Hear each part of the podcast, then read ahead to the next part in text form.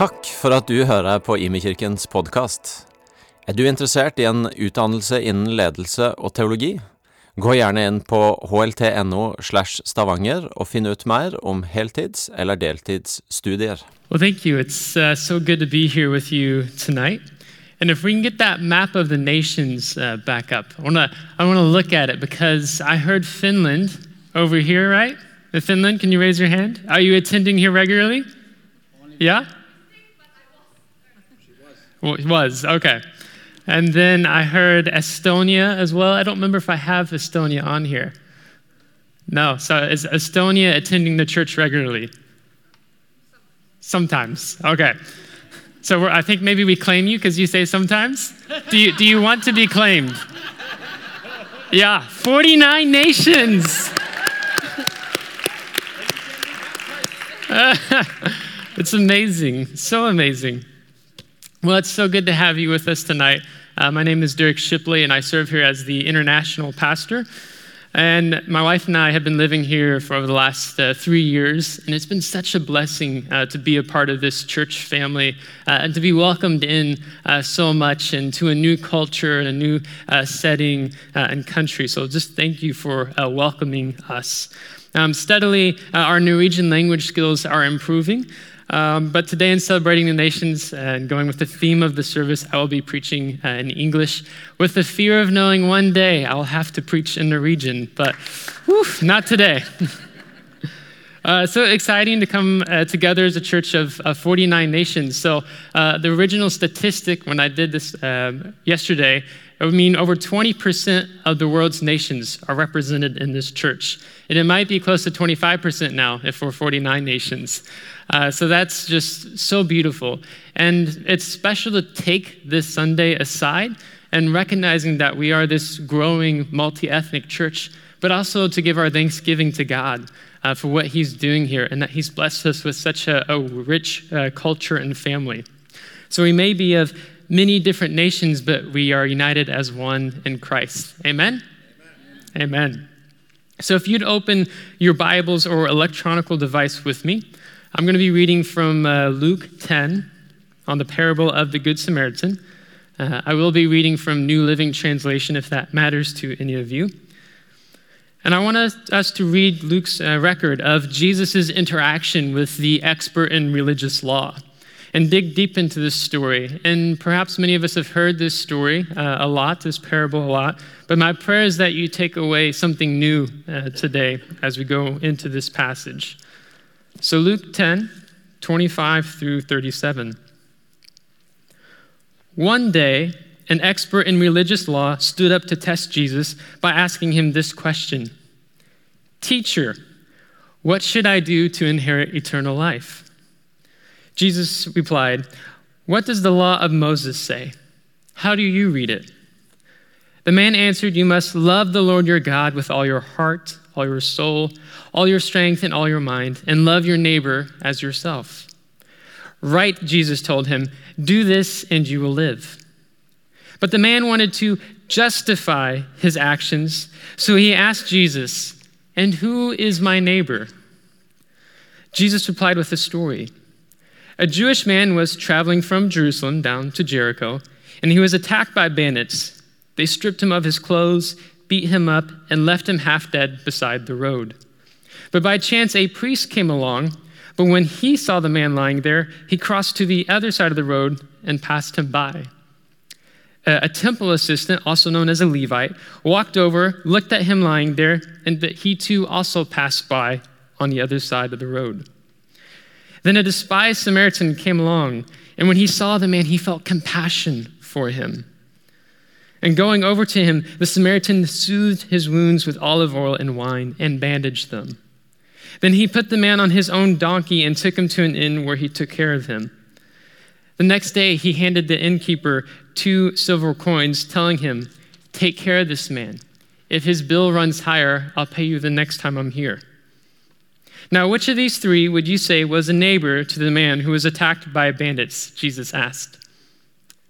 The man replied, The one who showed him mercy. Then Jesus said, Yes, now go and do the same. And I love how Jesus responds to the expert uh, in religious law here in regards to the greatest commandment and then him asking, Who is my neighbor? Jesus responds to the question in a way I do not believe his audience was uh, expecting him to answer the man's question through the parable. And many of us know the parable of the Good Samaritan, but perhaps some of us do not understand the full historical context of why this must have left the Jewish listeners aghast, shocked, and why Jesus uses a Samaritan as the hero of the story. And so the historical context of this can be found in the Old Testament uh, when the Israelites and the Judeans no longer followed the Lord their God. And so God executes judgment in exiling them from the promised land, as he said he would in covenant agreement between him and his people. And after the Assyrians conquered the northern kingdom of Israel in 722 BC, uh, it was divided into two kingdoms at this point. Assyrian colonists who moved into the promised land intermarried with the Israelites who were left there in Samaria. And these inhabitants became known as Samaritans. Now, most of the Israelites were taken away into captivity, but the Israelites that were left in Samaria were all poor and they were to tend to the land. So, for further context, Samaria was the capital of the northern kingdom of Israel, and then Jerusalem served as the capital of the southern kingdom of Judah. But then later in 586 BC, the southern kingdom of Judah was conquered by Babylon. And it's in 538 BC when the Judean exiles begin to return to Jerusalem from Babylon. And is here when conflict arose between the Jews and the Samaritans. The Samaritans had built a rival temple on Mount Gerizim, and they used their own version of the Pentateuch, uh, Genesis through Deuteronomy, or your first five books of the Bible, as their scripture. And so then hatred between the two of them increased dramatically uh, when the Jewish king John Hyrcanus attacked the Samaritans and he destroyed the temple on Mount Gerizim in roughly 128 BC, they believe. So, in this quote, context of mutual animosity, no first century Jew would expect a despised Samaritan to help a wounded Jew.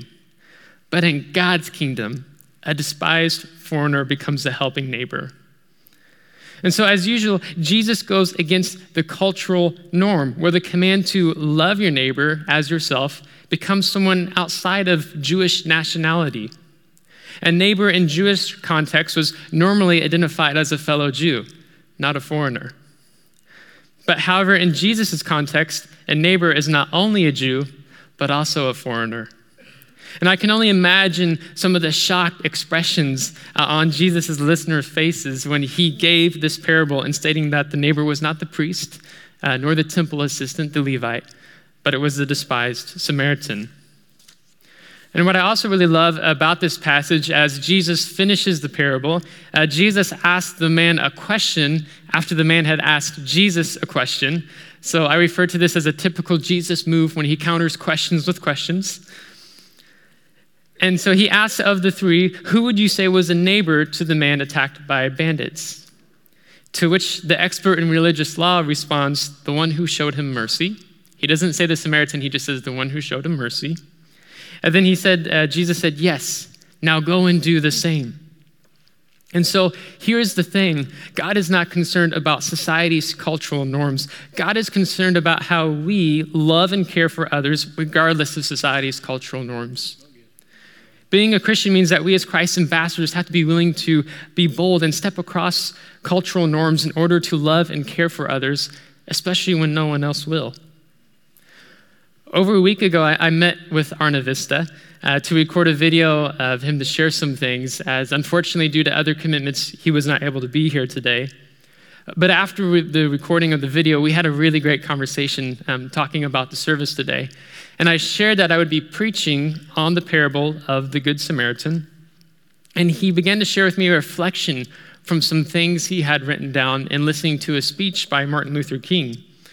So I decided to also uh, go and listen to that speech. And so I just want to share a small piece of that with you.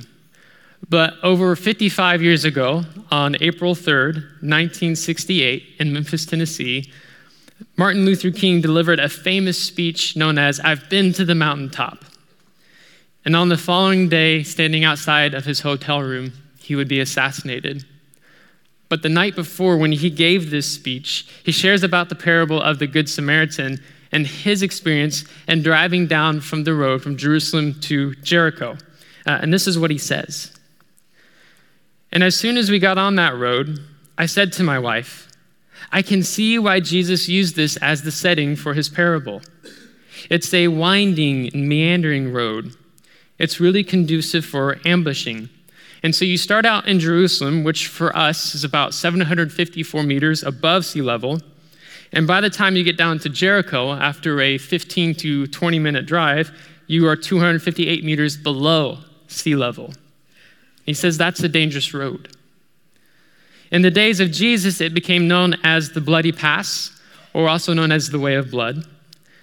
And you know, it's possible that the priest and the Levite looked over at that man laying on the ground and wondered if the robbers were still around. Or it's possible that they felt that the man on the ground was merely faking and he was acting like he had been robbed and hurt in order to seize them over there, lure them over for a quick and easy capture. And so the first question that the priest asked, the first question that the Levite asked was If I stop to help this man, what will happen to me? But then the Good Samaritan came by and he reversed the question If I do not stop to help this man, what will happen to him? And for Arnavista, after listening to this, it led him to have the following reflection. Instead of asking, Who is my neighbor? perhaps the question we should be asking is, Who can I be a neighbor to? So, who can I be a neighbor to in an international context was something that was not remotely on my mind eight or nine years ago. So, let me tell you my story from an American citizen, perspective uh, in my own home country. Um, so, you wouldn't be able to tell uh, now but by looking at me, um, but once upon a time, I was a very stereotyped country boy uh, living life in the Midwest, and this is my hat. Talia, you can't have it. Uh, but very stereotyped. Uh, and where I grew up at, uh, we didn't have an international population by any means or any stretch of the imagination. So it was a very uh, small bubble community, if you will. But some of you may be shocked if I told you that I didn't have my first international friend until I was 20 years old uh, attending university. So 10 years ago, I got my first international friend. And so the story how God changed my heart and gave me a love for internationals began in the fall of 2013. I had transferred universities to Ball State University in Muncie, Indiana, and there, right beside the campus, is a wonderful campus ministry called uh, the Ball State Christian Campus House. And I decided to attend that open house and become more acquainted with the different ministry areas uh, that the campus house had. So I walked in, I signed up for the men's ministry, I signed up for the worship ministry, and then I came to the international ministry table. And there sat my future wife, who has left somewhere, but there she sat, Michaela McMillan, now Michaela Shipley. Um, and she was serving as a student staff as the international ministry assistant. And so she began to tell me about the opportunities to share the gospel with over 600 international students on a campus of over 21,000 students. And she shared uh, that some of these internationals, they've never heard the gospel before. And so there are opportunities through the campus house to share the gospel with them. And do you want to know what I, I told her? I said, wow, that's really neat. But do you want to know what I thought in my mind? That's not me. I'll never get involved in international ministry. After all, I'm just a country boy. Now, there's a lot we can unpack with that there alone, uh, but we don't have time for that today. But, you know, it's so amazing to me, for, especially um, for those of you who know me well um, in serving international ministry here. You wouldn't think that from my past and seeing that I love being with the international house churches and growing the international community here in the church. But I did eventually get involved in international ministry uh, and what changed was by the spring semester of 2014, I did find myself getting involved with the international events with the campus house. I would sit down at a table and I would share in fellowship and having a meal with internationals. And I'd begin to listen to them and listen to them tell their stories, tell me about the culture, uh, that they uh, grew up from. And I was fascinated in hearing their stories as I heard from China, uh, Iran, Afghanistan, Japan. And suddenly I found my small world perspective go into a large world perspective. And later, God would tell me this He said, I'm not just God of Indiana, I'm not just God of the United States, but I'm God of the world, and I care about people everywhere. Now, why do I share this story with you? Uh, in January, I was sitting uh, just over there uh, during a G18 worship service, so be careful if you sit over there, he might speak to you. And I was reflecting on this service today and praying about it. And so the story I just told you was going through my mind. And so I asked God, why did I initially say no to international ministry? And this is what he told me. He said, You didn't love internationals. Oofta. it's quite the word. And so I asked God, I said, Why did I not love the internationals when I was younger? And then this is what he told me. He said, You cannot love what you do not know. You cannot love what you do not know. And that's a strong word that we can also spend a lot of time unpacking on. But I need to close for our next part here in a moment. But I want to speak uh, sincerely. Uh, I'm going to push a little, I'm going to challenge just a little bit uh, to both my Norwegian brothers and sisters in Christ and also to my international brothers and sisters in Christ and those listening now to this podcast. So, beginning with my Norwegian brothers and sisters in Christ, if the international remains a stranger to you, then that is all they will ever be a stranger. But if the international becomes a neighbor to you, glory be to God that the international is no longer a stranger. How magnificent can the love of Christ shine in you in loving your international and your Norwegian neighbor? But in also speaking sincerely to the internationals, if the Norwegian or the nationality of whatever country you live in or other internationals in the community where you live, if all they ever do is remain to be a stranger to you, then that is all they will ever be a stranger. But if the Norwegian becomes a neighbor to you, then may God have the glory in that and that he's no longer a stranger. And how magnificent can the love of Christ shine in you in loving your Norwegian or your international neighbor? It's amazing. Jesus teaches and commands us to love our neighbors, and it's up to us, to you and I, that the strangers around us become neighbors. It's getting to, to this point where, uh, you know, typically a stranger is someone you don't know, but typically a neighbor is someone you do know. You cannot love what you do not know. And so, this teaching of Jesus leaves us with this question Are the people around you and I strangers? or are they our neighbors? So now I want to welcome Karabo up to the stage. If you would give him a hand.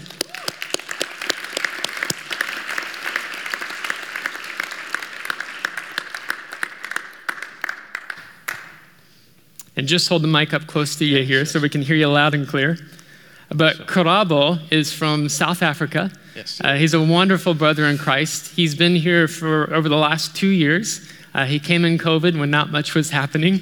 Uh, so he's seen Norway come out of COVID. So he's like, oh, the people do do things here. It's amazing. Um, and he's been an assistant uh, house church leader um, in one of our international house churches with Pius and Binta. And for those of you who were here last year, maybe you remember uh, Pius and Binta, uh, I interviewed them and we had a similar conversation. And we had this prophetic word the Father is calling. And then Binta stood there, and her father actually ended up calling her on the phone. And then she said, Oh, my father's calling me. It was so cool. Um, so he's just been a wonderful blessing in a very gentle spirit. Um, and you may also see him working around here uh, in the church and uh, helping us continue to uh, worship in this fine building. But we want to get to know a little bit more about you and the gold that God has put in you uh, and your testimony and story. So, what has your faith journey been like in being from South Africa? Uh, thanks, Derrick, and thanks for the teaching. Mm-hmm. Um, my faith journey from South Africa is um, maybe to start from my childhood. So I was born into a Christian family uh, where my mother was from the African Methodist Church, which mm-hmm. has some uh, African roots and some American uh, African American roots. And my dad was in the Lutheran Church. He was a lay preacher. And um, at some point, they decided, okay, we can't keep going to do two different churches. we need to sort of settle in one. So, being the last born of the family, by the time that they decided, we yeah, started going to my mother's church, and uh, that's where I got baptized. Um, and um, my experience was that even though I was going to church when I was like in my preteens, um, I, I got a sense of feeling that uh, there was something more that I could get. Mm. I started, I felt like, okay, I'm going to church, I'm going through the motions, but something is missing, you know. And so um, I was praying and reading the Bible in my private time, and uh, because my dad was a preacher, I was kind of used to seeing, you know, somebody in the house mm. reading the Word, and um, I prayed, you know, because I knew that I could pray and invite Jesus Christ into my heart, and um, I got saved, you know, and um, during that time, I, I guess because I was feeling the sense of Word, I felt a peace come into my heart when, when I got saved and I got born again but I left the, the church that I was going to because I felt like mm, I need something more. So I started exploring, you know, studying other religions and things like that. Mm. But um, later on, I think um, it was just that realization that, and the knowledge that the word says that Christ is the only Savior. Mm. That I felt when I got back into a church um, that was Bible teaching church that was teaching on the fivefold ministry, mm. that I really got a sense that, okay, this is what I've been missing. I've been mm. actually missing the relationship with Christ mm, because it's on. one thing to be sitting in a church mm. and doing all the motions and going through all the motions. But until you really receive Christ in your heart and you sort of, you know, invite Him to take you on this journey because yeah. He wants more of yeah. us, yeah, you know, on. not just our minds, not just our praise, but He wants our hearts also because we can do all of these things, but if our hearts are not turned towards Him, yeah. yes. then we can't really experience all of what He has to offer. Yeah. You know, so I think that um, that that that that that is my my experience pretty much. Yeah, yeah so mm. good. Mm. Yeah, and Karabo asks, yeah, give you a hand. Um, there's a, a scripture spoken to And he asked me if I would read it as uh, part of the next question. So this comes from Isaiah 43, and I'm going to read verses 1 through 13. But now, O Jacob, listen to the Lord who created you. O Israel, the one who formed you says, Do not be afraid, for I have ransomed you. I have called you by name, and you are mine. When you go through deep waters, I will be with you. When you go through rivers of difficulty, you will not drown. When you walk through the fire of oppression, you will not be burned up. The flames will not consume you. For I am the Lord your God, the Holy One of Israel, your Savior. I gave Egypt as a ransom for your freedom. I gave Ethiopia and Seba in your place. Others were given in exchange for you, and I traded their lives for yours, because you are precious to me. You are honored, and I love you. Do not be afraid, for I am with you. I will gather you and your children from the east and west, and I will say to the north and south, Bring my sons and daughters back to Israel from the distant corners of the earth. Bring all who claim me as their God, for I have made them for my glory. It is I who created them. Bring out the people who have eyes but are blind, who have ears but are deaf. Gather the nations together, assemble the peoples of the world. Which of their idols has ever foretold such things? Which can predict what will happen tomorrow? Where are the witnesses of such predictions? Who can verify that they spoke the truth? But you are my witnesses, O Israel, says the Lord. You are my servants. You have been chosen to know me, believe in me, and understand that I alone am God. There was no other God, there never has been, and there never will be. I, yes, I am the Lord, and there is no other Savior. First, I predicted your rescue, and then I saved you and proclaimed it to the world. No foreign God has ever done this, and you are witnesses that I am the only God, says the Lord. From eternity to eternity, I am God. No one can snatch anyone out of my hand. No one can undo what I have done. So, what was this prophetic word in Scripture that you experienced while in South Africa? Yeah, so um, just a, a brief uh, background. So, the this teaching was, uh, uh, this word was actually given by a pastor who was visiting in our local church, the one that I started attending, um, you know, like I explained later on when I got back into the church. Mm. And it's a, um, a um, our, the logo of the church, uh, which is called Grace Bible Church, Mm. is uh, hands that are lifting, lifted up uh, to the globe, to the world. Um, so uh, the pastor who was, was giving this word was actually invited, and uh, he was coming from a church in um, California that my sister went to and was welcomed into when she had a stint in the States. And um, he came as a visiting pastor in a seminar, and we were doing a fasting and praying. And he did something prophetic, and he, out of the word, asked us all to stand up Mm. and to basically proclaim what, what, what is being taught in the word. And uh, we were praying to say, praying to the north, praying to the east, praying to the west, praying to the south, Mm. to release the people of God. Wow. Come on. And so that was in 2015, in March 2015. And that was before I even ever had a connection with Norway or knew that I would find myself here. Yeah. And um, I think the significance was of that was just that, you know, when uh, we- are doing what we are doing here, welcoming people from international Mm. um, and from all over the world in the name of Christ and in the name of fellowship, Mm. uh, God can do, you know, everything because He's already given us the anointing to do that. Mm. And that was what the teaching and the word was about that there's an anointing on the church to reach Christ for the nations. Mm. And so by the time that I had the opportunity to come to Norway, I believe that the seed had already been planted, Yeah. you know, for me to be to be a part of what God is doing here. Wow. Wow. That's so Yeah. good.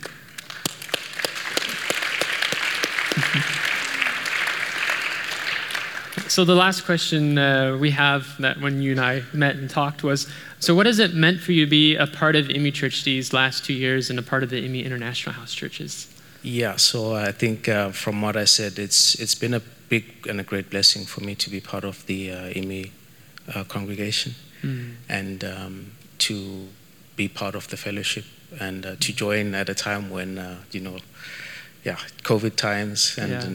yeah, no really possibilities for people to meet and and so forth. But uh, one thing is that I felt led to be part of IMI Church because I'd been passing by on my way to the campus because I used to work there, and uh, not knowing that IMI was a church, and so I was looking for a place to worship, and um, went on the internet, and saw the whole list of churches, but IMI was the only one that I actually reached out to, Mm. and um, ever since then I was able to connect, and you were, you know, you welcomed me into the house church.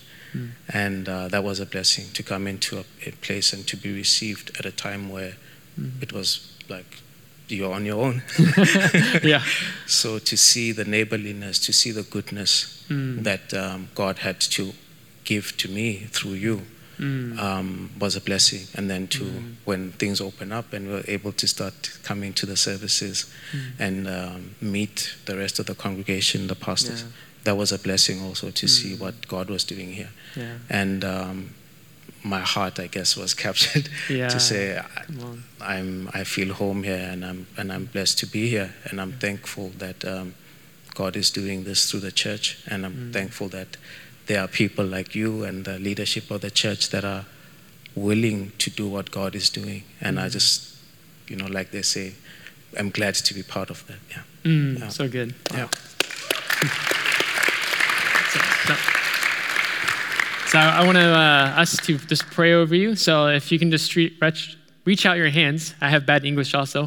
Uh, reach out your hands from where you are, and uh, your bad influence, Talia.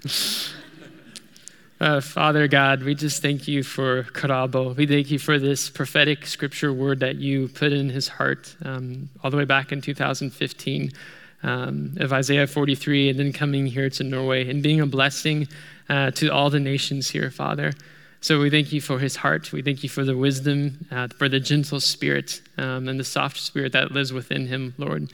And so we just pray your blessing upon him, a blessing uh, to help us as a church uh, grow into this uh, multi ethnic identity, uh, Father, that you would guide us in and that we would also be good stewards of. And so we thank you for uh, blessing us with Karabo and being a part of our church family here. It is in Jesus' name we pray. Amen.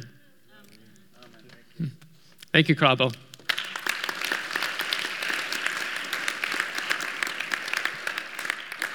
Yeah, so now uh, we have a video with uh, Arne Vista to show you.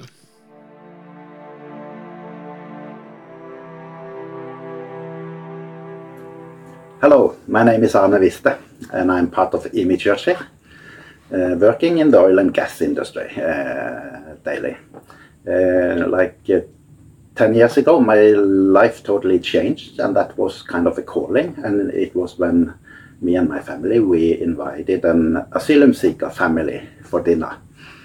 Uh, and that uh, was a very, very big gift giving me a new direction and a new purpose and a new calling on my life, mm. what I should do. And I'm really, really thankful to to Lord for, for what He called me into. It's been so exciting, and I actually I gave work, even if, if it was dis disputed if they were allowed to work, and uh, so I I, I um, but I faced uh, that I was charged with a criminal uh, case against me, and uh, and a small group of those that I employed, I was given a big fine and one year in prison. But it was on. I didn't have to go to prison. I could just behave good for two years, and then I didn't go.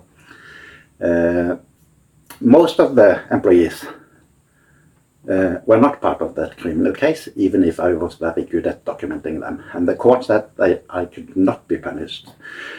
And this is giving an opportunity. There is still some some uh, legal issues to be solved, and also there is a tax issue that I'm working full time on now these times. Uh, so I'm trying to follow up on these kind of political issues and and juridical issues. But uh, I have been kind of I've been meeting a lot of people from different cultures, and I've never been been kind of loving foreigners, except of the calling that God I should love love them this way by giving them jobs. Uh, and I also kind of kept a long distance because when I need asylum seekers, after they have got their uh, rejection in Norway, they have a lot of needs medical needs, economical needs. needs. Uh, they, they have traumas from their background, from their uh, from their travel to to Europe. There's a lot of needs, and I have just kept a big distance. But kind of through the process, I think God has changed my heart. And what I've learned is that my thinking now is that God is a very, very rich uh, person. He's a person and he's a he's not like a, a, a very limited uh, boxed person. He's very very rich, and I think the ultimate purpose of my life is to get to know God. Uh, he has created me with a longing to become closer to Him and knowing Him, and to know God. God has so many facets and aspects, and there are so many he's so rich in so many ways, and uh, that uh, uh, we kind of box him into our culture, but he's much more rich. And I think that when God created humans, He created them in His His image, and that all humans, all cultures, all societies, even all religions, are kind of representing an image of God. Uh, he has shown who he is through our humans. And to know God, we need to know humans. Uh, he came as a human in Jesus. And to know the length and the width and the depth of God requires that we do it with all the believers. So I think that being a multicultural church for IMI Church, it means that we need to we need to see more aspects of God and all these foreigners. You are bringing us new images of God. And that is our calling and our longing. And we know that when we get to heaven, you will be there and we will celebrate. And we cannot praise God in a Norwegian way because God needs to be praised in all, all possible ways, from all possible cultures, all possible languages. And that will be the singing in heaven and the worship in heaven. So, so this is we want to see that on earth. We want to see that in IMI Church. And we, we, we, as Norwegians, we need to learn God through you. And when you came to Norway, you might think you came here to get a job or to do a study or to, to because you had to flee from, from the conflicts in your home area. Uh, I don't know what the reason, but I know that God has a reason for you being in Norway and for you being in Church. And that is, you have a purpose here you're a gift from God to us as a church and also as a nation. And, and, and, and you, you should really think of you being here with a purpose and a calling from God to represent Him in Norway, to represent God among your own folks in this uh, country, but also among Norwegians. We Norwegians, most of us have has lost the belief in God, you know, and, and but you are representing with your Christian faith something that IMI Church is needing and the Norwegians and the Norway is needing. So I think that should be the foundation. It, we might think of, I need to, I need to take contact. I need to invite to dinner. I need, I should, I should give some money. I should, I should do more, do more, do more, and kind of get burdened as Norwegians. And it's not the right thinking. We, we, we are blessed with knowing God by meeting these people. And, and I really, really, really uh, want as many as possible of us to have some good meetings with these people. Uh, we have the language cafe, we have uh, other work for inter international work. You can sit after the, the service today and, and you can actually contact those that you see are from uh, and just ask where they are from, why they are in Norway try to get in touch and, and, and see. It's, it's a good thing. And you will not give them your resources, you will actually meet God through them. See who is God, who God is. So good luck on that, and I would really, really appreciate uh, the multicultural uh, aspects of IMI, and we want to see it a lot, lot more than we have done the last years.